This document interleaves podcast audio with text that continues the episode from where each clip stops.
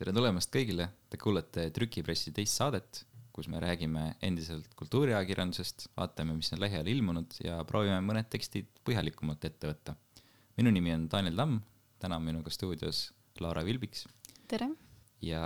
meil on täna valmis sellised äh, kolm suuremat teemapunkti. esiteks me räägime Hendrik Õivu Millest me räägime, kui me räägime poliitkorrektsusest, äh, mis ilmus maikuu Müürilehes teiseks räägime Hele-Mai Viiksaare arvustusest pealkirjaga Piim ja importmesi, mis puudutab siis äh, Rupi Kauri kuulsat luulekogu.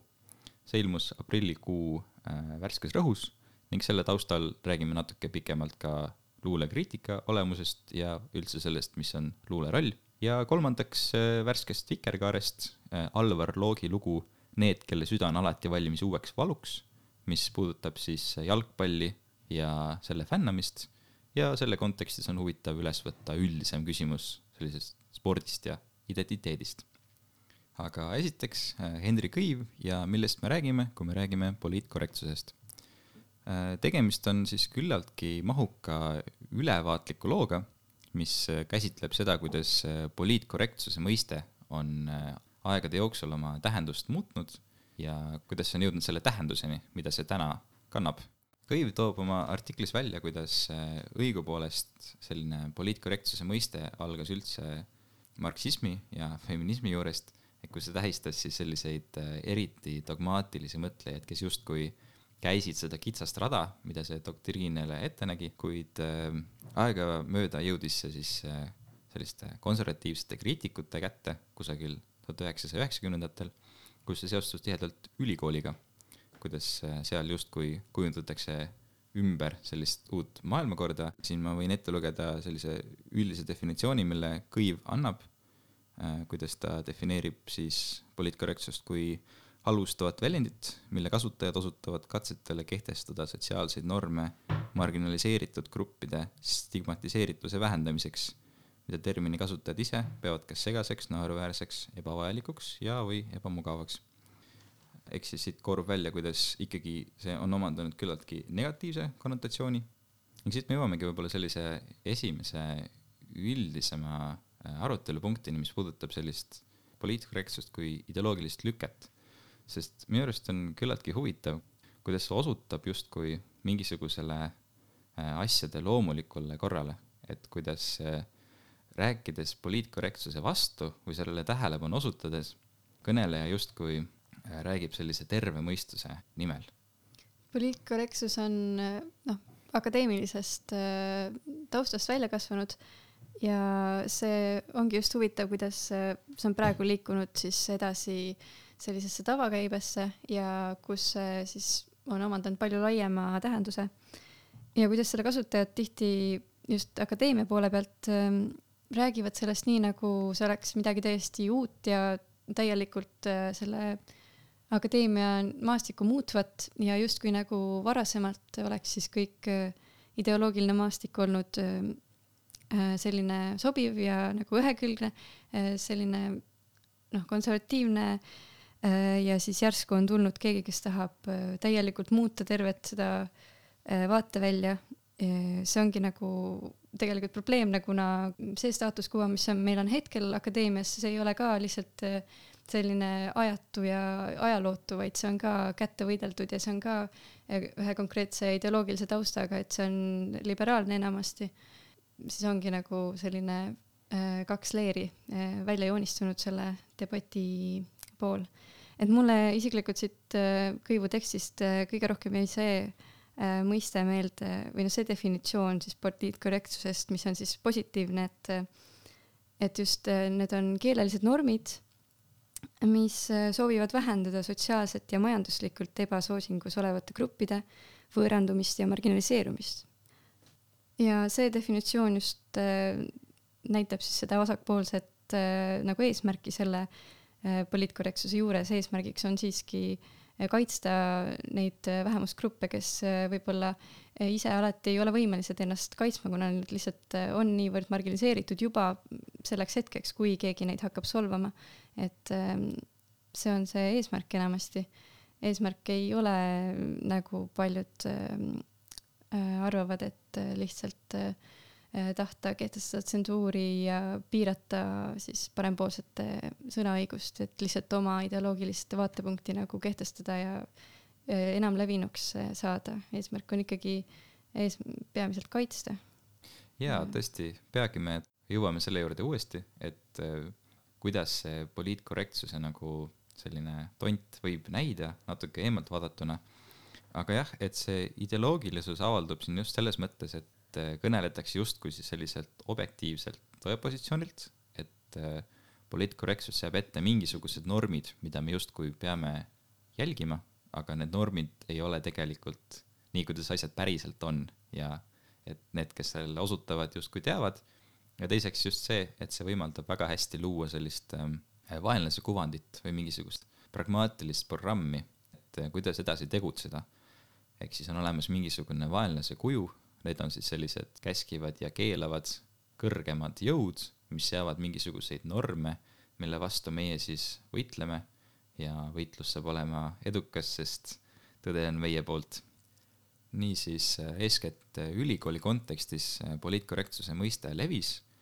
kuigi nüüd on ta tagasi nii-öelda püünele tõusnud siis äh, sotsiaalmeedia ja üleüldse interneti taustal, kus on mõnes mõttes palju lihtsam sellist äh, radikaalset ja mingisugusest keskmisest irduvat seisukohta edastada, kuna puuduvad sellised äh, väravahoidjad, kes kuidagi piiraksid seda avalikku ruumi niimoodi, et interneti vahendusel on mõnes mõttes see kõik jälle võtnud uue pöörde Äh, kui selleks sekkub Twitteri avangard, nagu Kõiv kirjutab. kui proovida selle natuke juurte poole vaadata või et mis selle ikkagi tinginud on, siis äh, sellega seoses kerkib veel üks huvitav teema, mis puudutab progressiivsuse paradoksi mõnes mõttes. et äh, kuidas tõepoolest on võimalik leida selliseid ka tänapäeval üksikuid näiteid sellest, kuidas kehtestatakse mingisuguseid norme, mis näivad eriti kontekstist välja võetuna Äh, täiesti absurdsed ja tunduvadki tavamõistusele nagu liiast. Ja siin, siin on nagu see paradoks, et ühest küljest selleks, et, äh, et viia läbi mingisugust muutust, äh, progressiivset sammu, tuleb alati, eriti sellises poliitilise pluralismi kontekstis, minna natuke suurema hooga peale, kui võib-olla oleks tarvis. sellepärast, et noh, mhm. debati käigus oponendid, kõik teised lihvivad neid servi tegelikult maha. ja selleks, et sellest ideest midagi jääks alles, tuleb alati võtta väike varu. aga nüüd teisest küljest, kui võtta liiga suur hoog sisse, siis see kutsubki esile just nagu vastureaktsiooni ja sellise tagasilöögi ja see on ka täiesti nagu mõistetav, et, kunagi noh, muutused ei saa kunagi toimuda niimoodi järsult ja karmilt, sest paratamatult see tekitab sellise soovi minna tagasi ja täiesti inimliku soovi. Et kuidas selle paradoksiga toime tulla või kas sellel, kas sellel on mingisuguseid selliseid lahendusi? minu jaoks on ka selline igavene küsimus olnud, niivõrd, kuivõrd ma olen tegelenud äh, kodanikuaktivismiga ja kõige selle poolega, mis on ähm, äh, seotud ühiskonna, üritamisega ühiskonda muuta.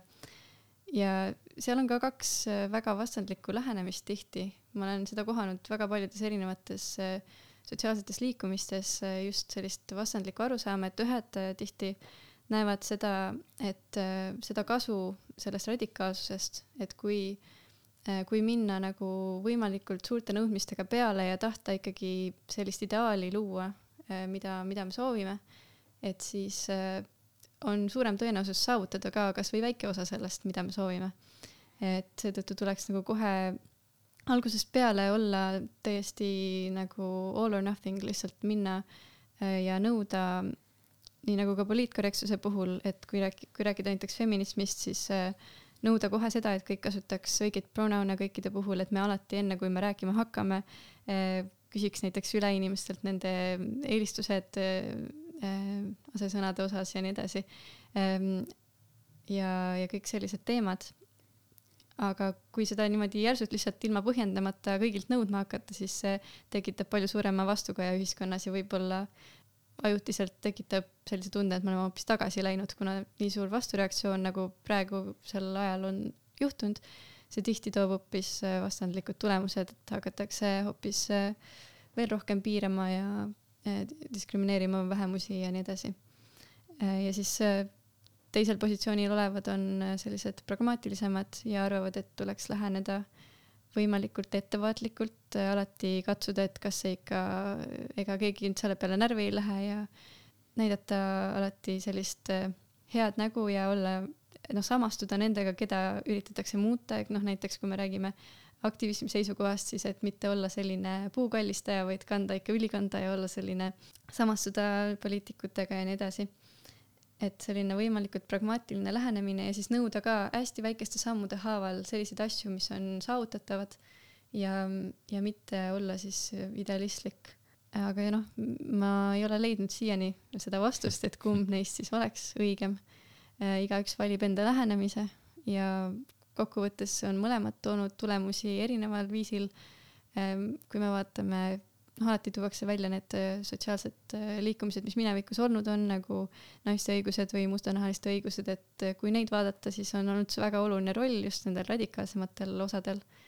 et need on tõmmanud ühiskonna tähelepanu, et kui naised hüppavad hobuste alla või äh, hobustele ette või äh, kui tehakse selliseid ebaseaduslikke tegusid, et saada tähelepanu ja noh, lõpuks nad on ikkagi tulemuse saavutanud,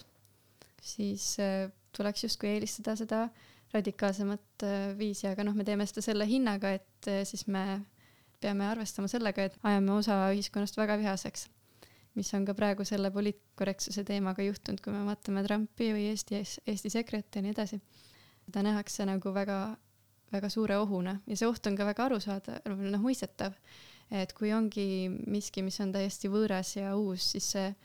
hirm inimeste seas on täiesti tavaline reaktsioon.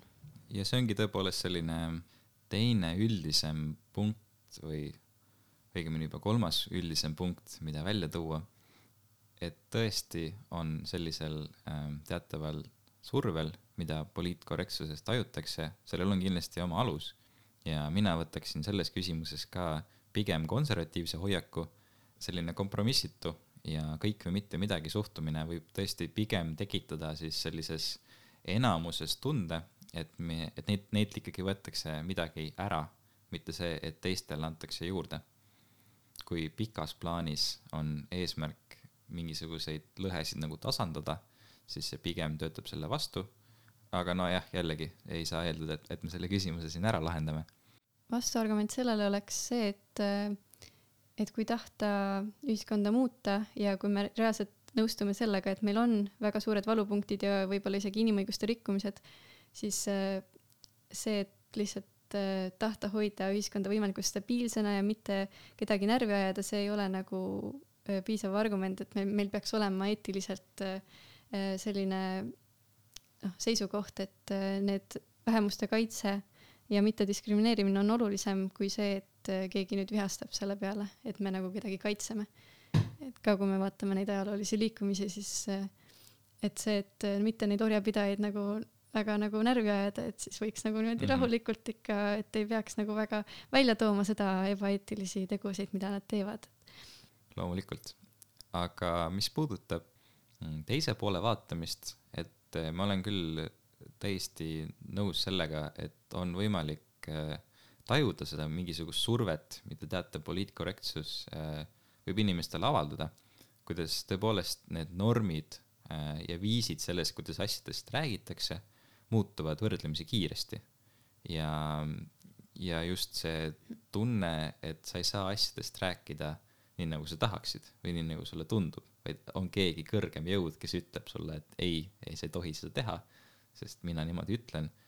Et nagu siin äh, Kõiv ka välja toob, siis äh, dialoogi sulgemine, mis on poliitkorrektsusele apelleerimise nagu kõrvalnäht, töötab selles mõttes mõlemat pidi. et ühest küljest, äh, kui ta toob siin näiteks sellistest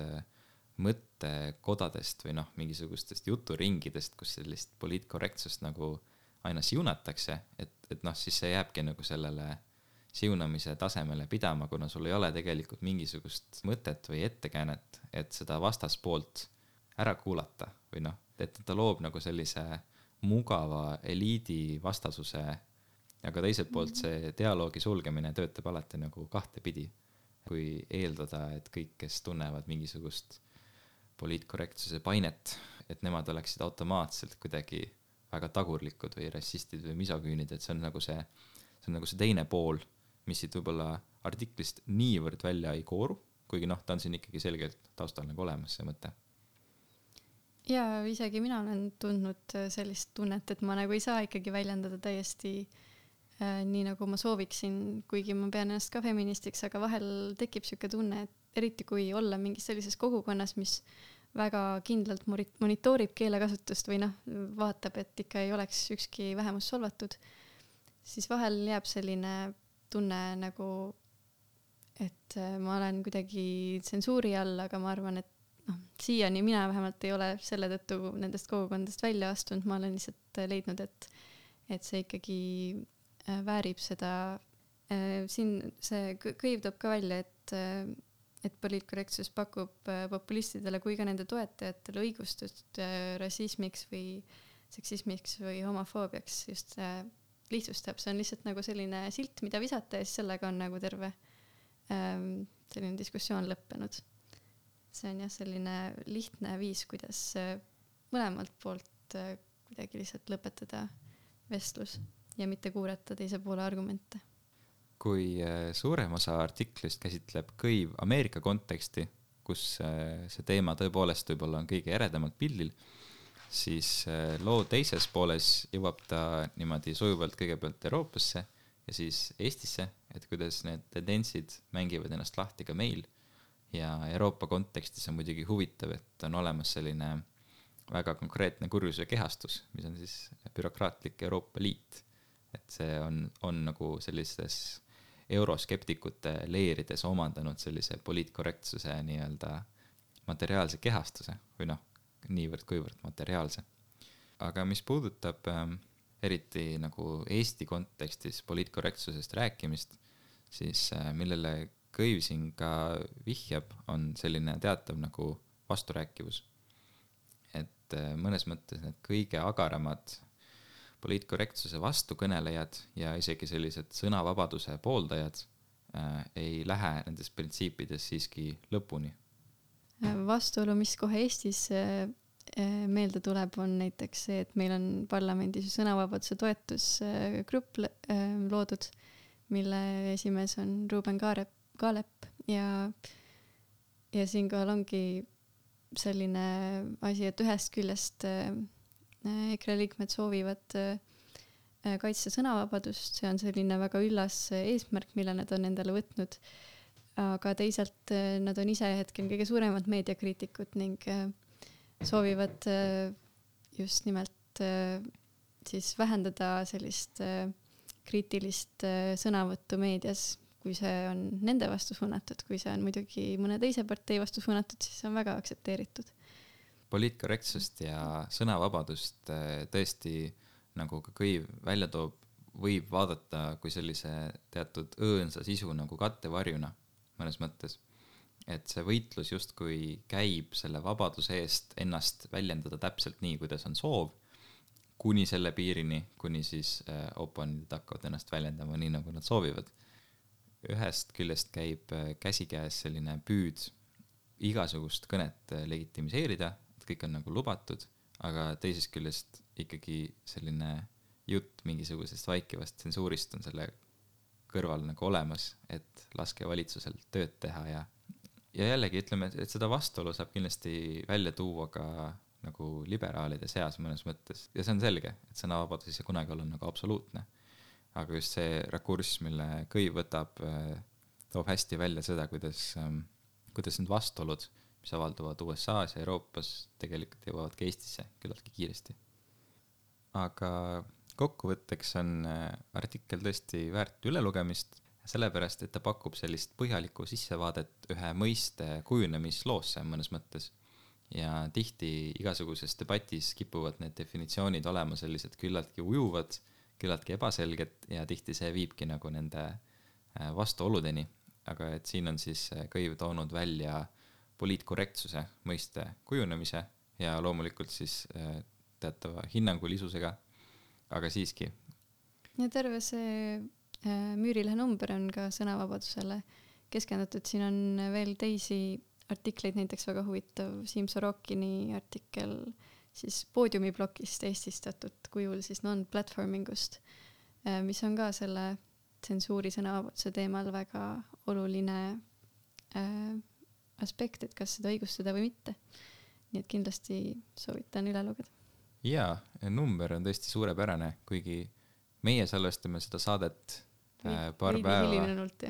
paar päeva enne seda, kui uus number juba trükki läheb, aga siiski äh, mõnikord tasub ka vanu asju üle vaadata.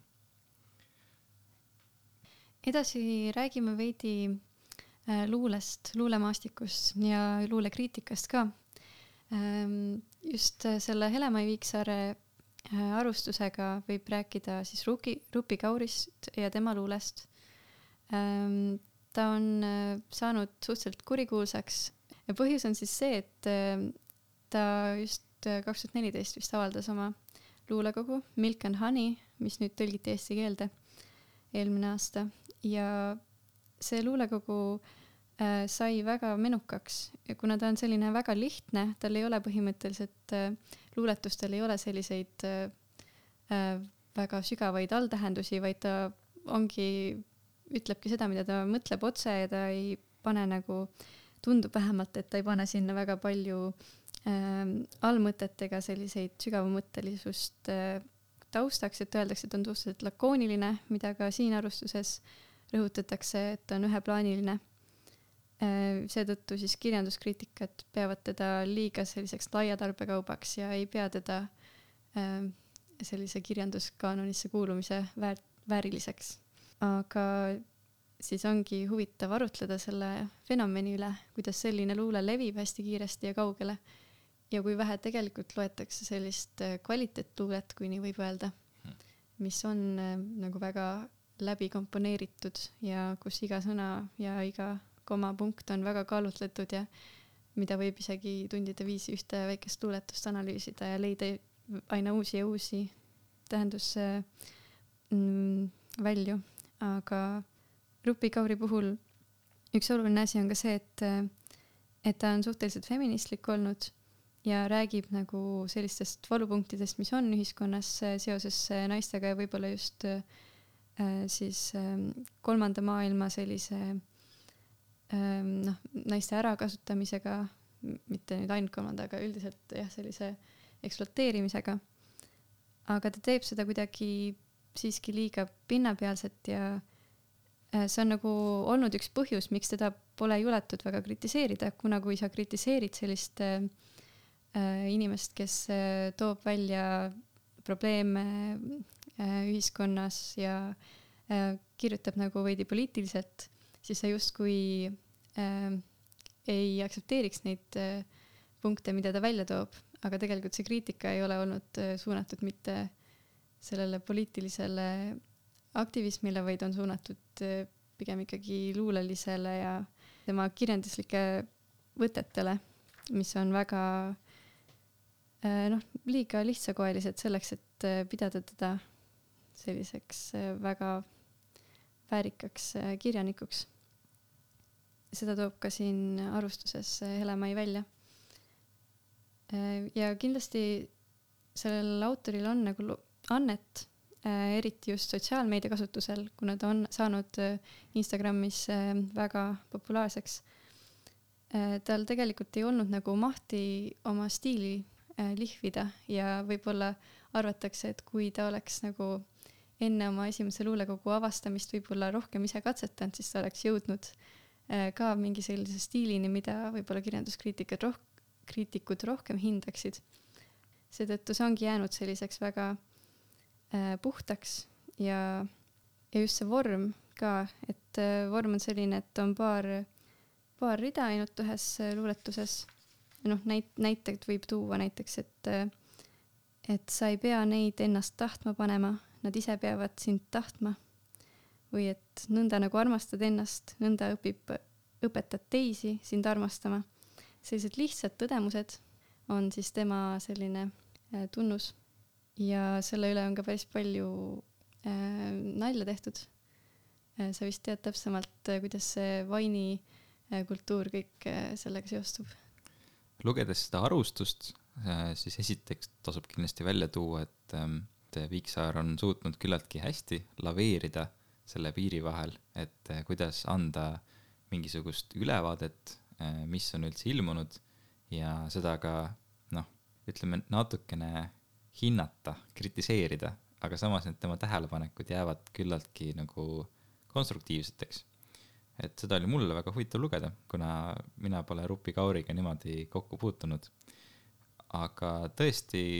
nagu Viiksaar siin mainib, äh, siis ähm, sellist tüüpi luulet on väga lihtne parodiseerida ja võib-olla üks kuulsamaid näiteid on selline kogumik nagu Milk and Wine, mis pandi kokku kunagise videojagamisplatvormi äh, Vine'i videote põhjal, mis on siis kuni kuuesekundilised, tavaliselt sellisele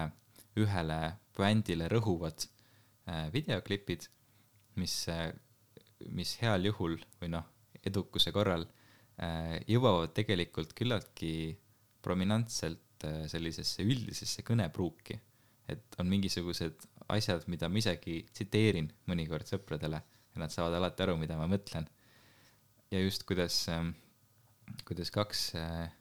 äh, aktivisti võtsid ja trükkisid need äh, mõned vainide siis sellised naeruväärsed tekstid, alates sellest, et you almost made me drop my croissant, mis võib-olla kõigile ei pruugi midagi öelda, aga ühesõnaga on siis rida ühest, ühest videost ja panid sellised äh, ennast mitte tõsiselt võtvad videod äh, väga sellise vernakulaarse mingi kultuurikihi justkui sellisesse äh, luule kõrgklassilisse konteksti, ehk siis see kõik see graafiline paigutus, illustratsioonid, trükituna, kõik, kõik muu. ja seda enam, et need ei näi enam nii banaalsed, kui nad olid nagu videotena. et tõepoolest kui keegi seda konteksti ei tea, siis ta võib isegi sellest äh, sarvesaia kukutamisest nagu välja lugeda. see võib olla nagu Rupi Kauri luuletus nagu ilma naljata. Äh, ja see on tõesti minu arust nii huvitav, kuidas toimub luule kui institutsiooni asjade lülitamine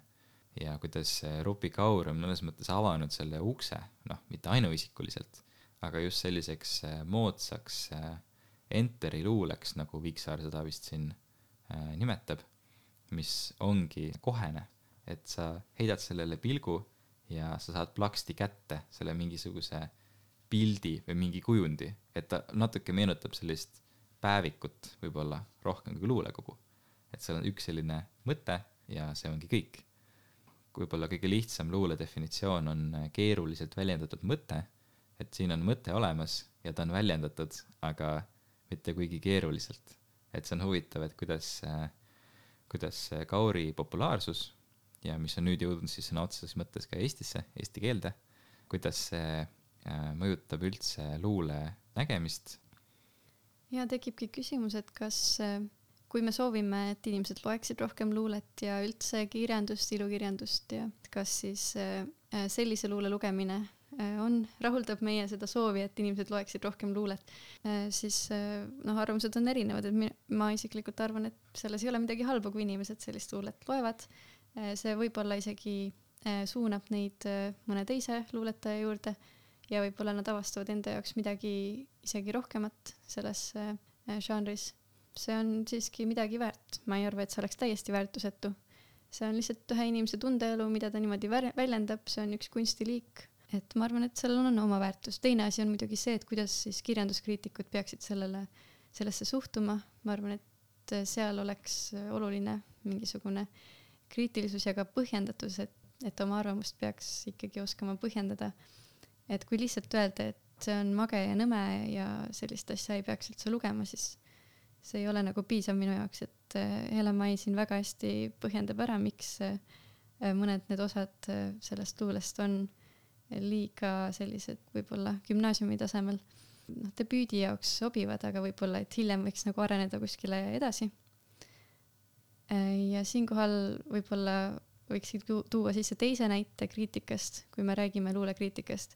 siis siitsamast Eestist äh, hiljuti äh, kirjandusmaastikul selline ebatavaline äh, skandaalilaadne moodustis äh, tekkis. et äh, Eda Ahi sai siis äh, luule aastapreemia luulekoguga Sõda ja rahutus. teda on siis võrreldud äh, selliste Eesti äh, naisluuletajatega nagu Betty Alver ja, ja Kareva ja Under, et ta, teda nähakse selle traditsiooni jätkajana, kes siis äh, kasutavad sellist lüürilist keelt ja riimluulet. Et ta justkui erineb sellest peavoolust luules, mis hetkel liigub aina lihtsuse poole ja võib-olla sellise poliitilisuse poole, et kus ollakse väga sellised julged ja noh, näiteks vastandiks võib võtta Sveta Grigorjeva, kelle just uus luulekogu ka siinsamas Värskes Rõhus on arvustuse, arvustatud. et tema on täpselt selles mõttes vastand, et ta ei jäta mingit ruumi riimiks ega selliste ilu, ilustavateks kujunditeks, vaid ta ütleb otse äh, välja oma väga poliitilise sõnumi. et Edahi on selles mõttes nagu erand ja ta on väga tervitatav erand, ma arvan, aga just see viies luulekogu sai sellise väga äh, huvitava vastukaja, et Alvar Look kirjutas äh, Postimehes artikli, et milleks anda avanssi, mida pole küsitud, kus ta väga teravalt kritiseeris seda öeldes, et see on põhimõtteliselt äh, väärtusetu, et Edahi ei ütle oma luuletustega mitte midagi, et see on pigem gümnaasiumitase, et see võiks pälvida positiivse vastukoja ainult siis, kui ta ei oleks riikliku laulepreemia laureaat, vaid algkooli õpilane ja et need luuletused on tõesti piinavalt ja piinlikud kehvad. nimetas tema kujundeid siis surnult sündinud kujundeks ja nii edasi. et see sõnakasutus oli väga äh, käre, võrreldes näiteks selle äh, Helem-Mai Äh, arvustusega või teistega, mida me oleme harjunud lugema. ja seetõttu tekitas palju vastukaja. aga paljud ka pooldasid seda.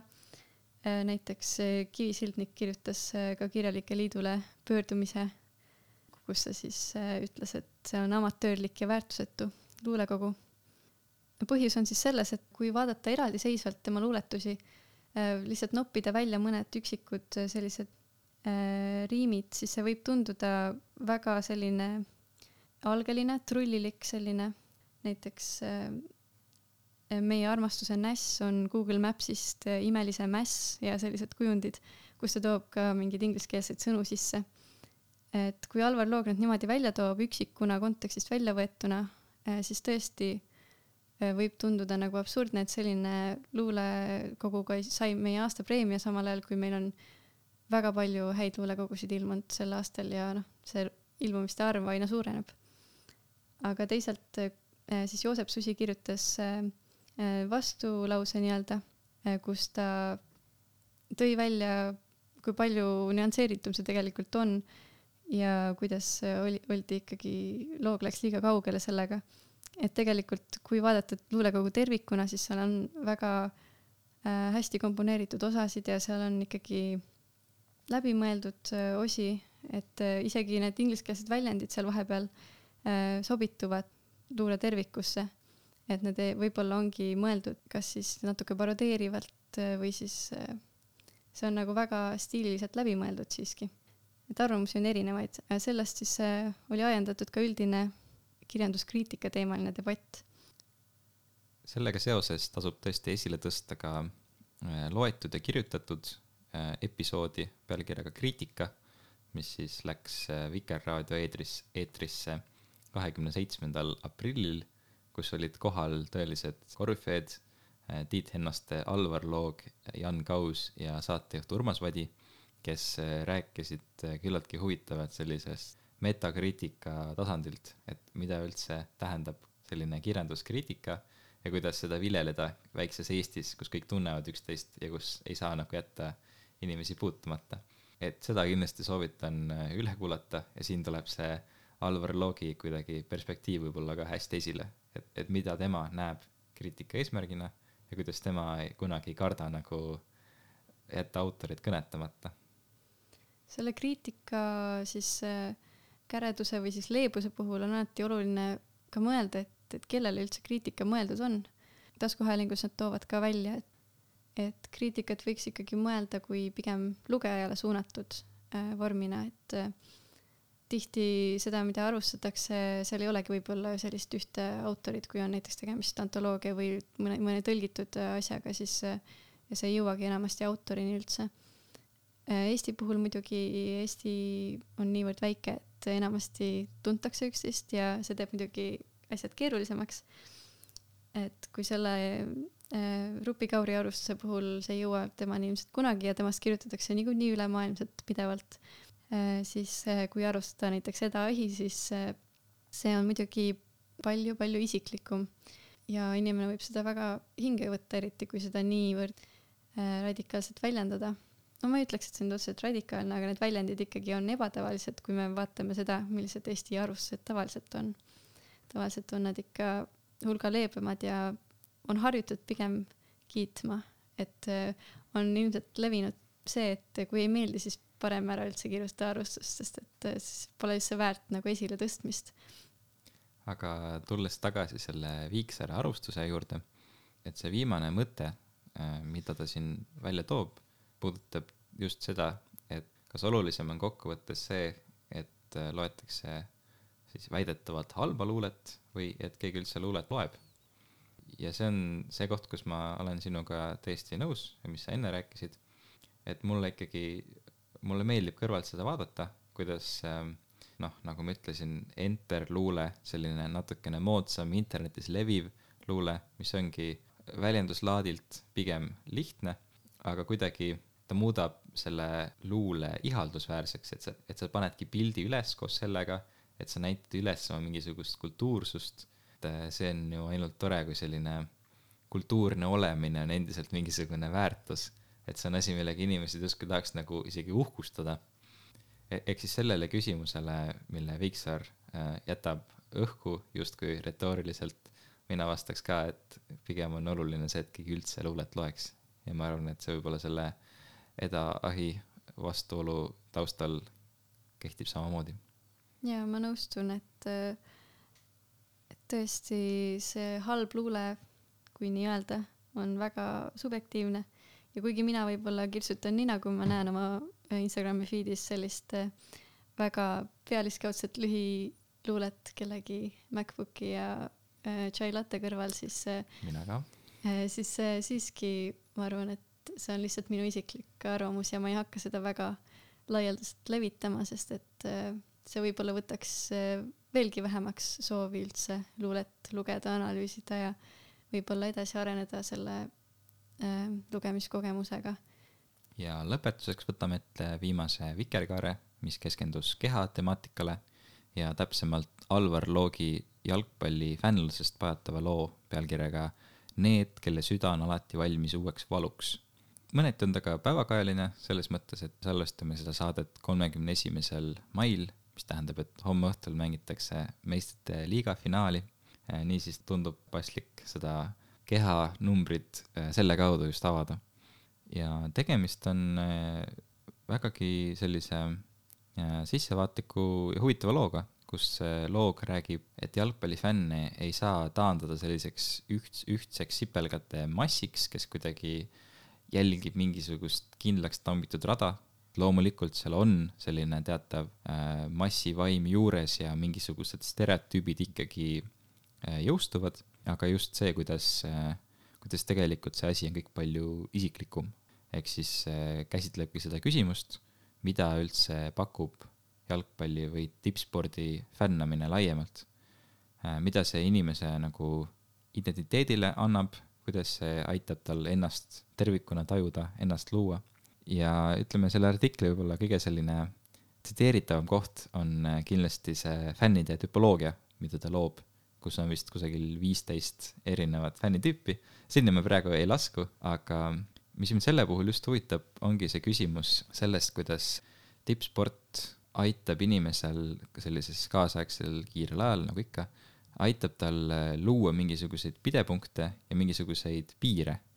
et äh, samas Vikerkaare numbris kirjutab äh, taas Joosep Susi spordikommentaatoritest ja seal väljendab ka mõtet, et äh, kõige lihtsamalt öeldes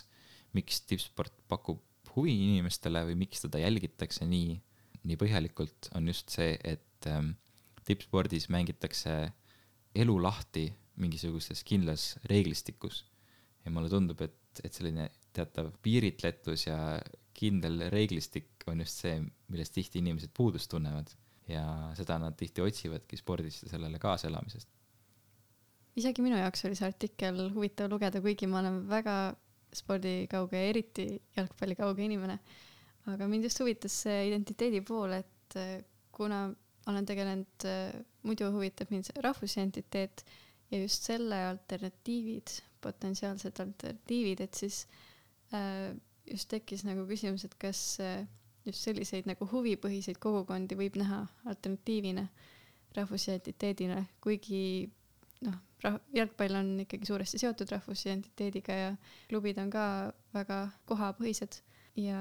käivad seetõttu nagu rahvusega käsikäes, aga samas äh, pidev rivaalitsemine nagu süvendab lõhesid nende klubide vahel ja sam-, samaaegselt ka siis rahvuste vahel. Teisalt võib öelda, et äh, nagu ka Loog siin teeb, et, äh, et see on selline nagu inimsoolne, üldomane see jalgpalli fännamine ja see ühendab kuidagi kõiki, sellest hoolimata, et on pidev rivaalitsemine.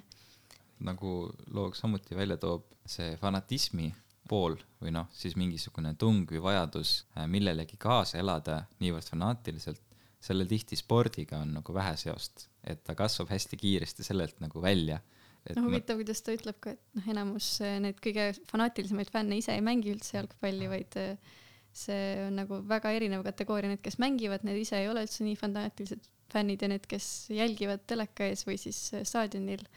need ise tegelikult selle mängimisega ei tegele. see on ka põhjus, miks minule on tundunud see kõik nagu, nagu Loog ütleb, selline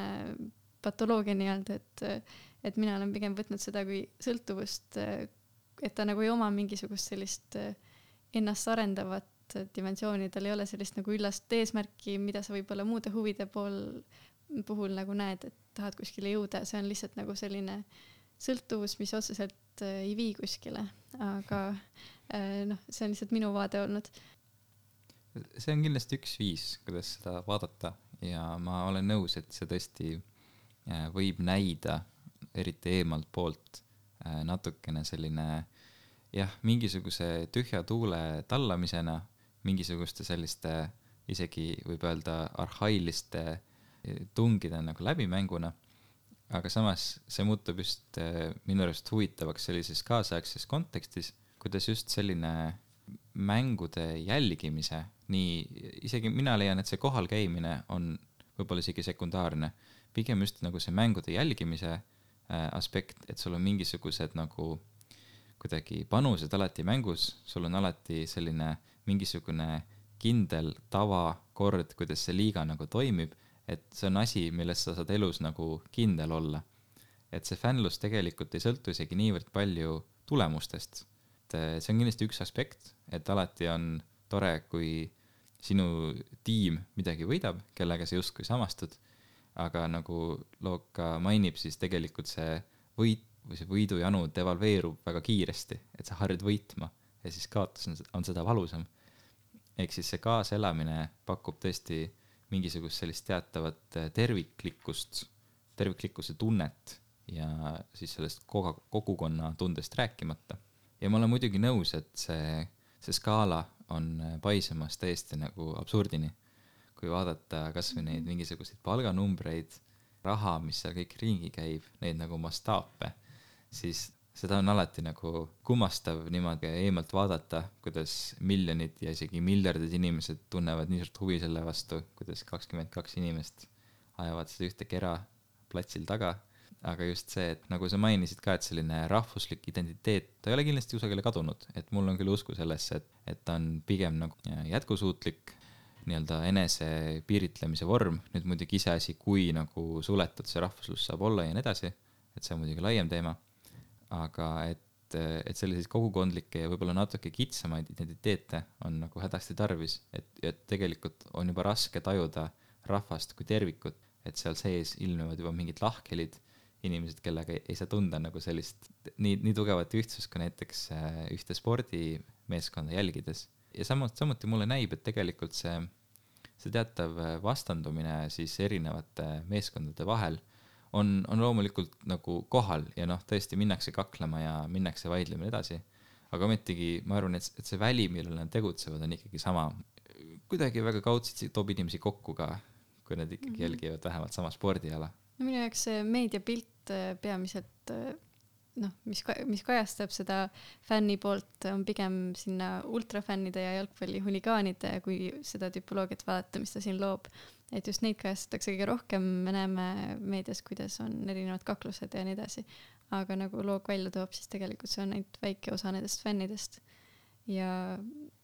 mis minu arust kõige huvitavam oli, et, et see tegelikult, selle fännamine ei ole äh, kõige noh, kui valida endale mingi hobi, siis selline hobi, mis pige-, pidevalt tekitab sellist kibestunud pettumust, nagu ta ütleb, et see on nagu selline loomulik seisund jalgpallifännil, et seda õnne ja nagu õnnestumist Äh, tegelikult näeb väga harva, kui sa just paari kõige edukama klubi fänn ei ole. Äh, siis äh, noh, see on nagu huvitav, et sellist asja soovitakse endale valida hobiks, aga noh, samas see on niivõrd sõltuvust tekitav ja loob, loob sellise kogukonna, mida me kõik vajame, nii et see on arusaadav. isegi nende tippklubide fännidel ei pruugi alati olla lihtne, sest et kui sa oled alati, noh, nagu ma ütlesin, kui sa oled alati harjunud võitma, siis see üks kaotus on oi kui valus. ja tõesti, ta võtab selle, selle mõtte hästi kokku siis Seorani tsiteerides, äh, viidates sellele, kuidas mingisugune haigus äh, ei pruugi olla õnnetus, sellepärast et vähemalt on, on tegevust, vähemalt ei ole igav. aga äh, kokkuvõtteks tasub tegelikult esile tõsta ka Vikerkaare numbrit kui tervikut. ma eriti soovitaks on... näiteks Jüri Kolgi ja Aet Kuusiku kehasõnastikku, mis nad tegid mm, -hmm, kus -hmm. Aet Kuusik andis siis sellise väga äh, Äh, noh, akadeemilise definitsiooni ja äh, Kolt kirjutas sinna väga vaimukad äh, lõigud juurde. ja tegelikult sellega võibki kokku tõmmata ka trükipressi teise osa. minu nimi oli Daniel Tamm. mina olen Laura Vilbiks. Ehk siis aitäh kuulamast, lingid arvutatud tekstidele on leitavad saate kirjeldusest ja mis muud, kui et kuulmiseni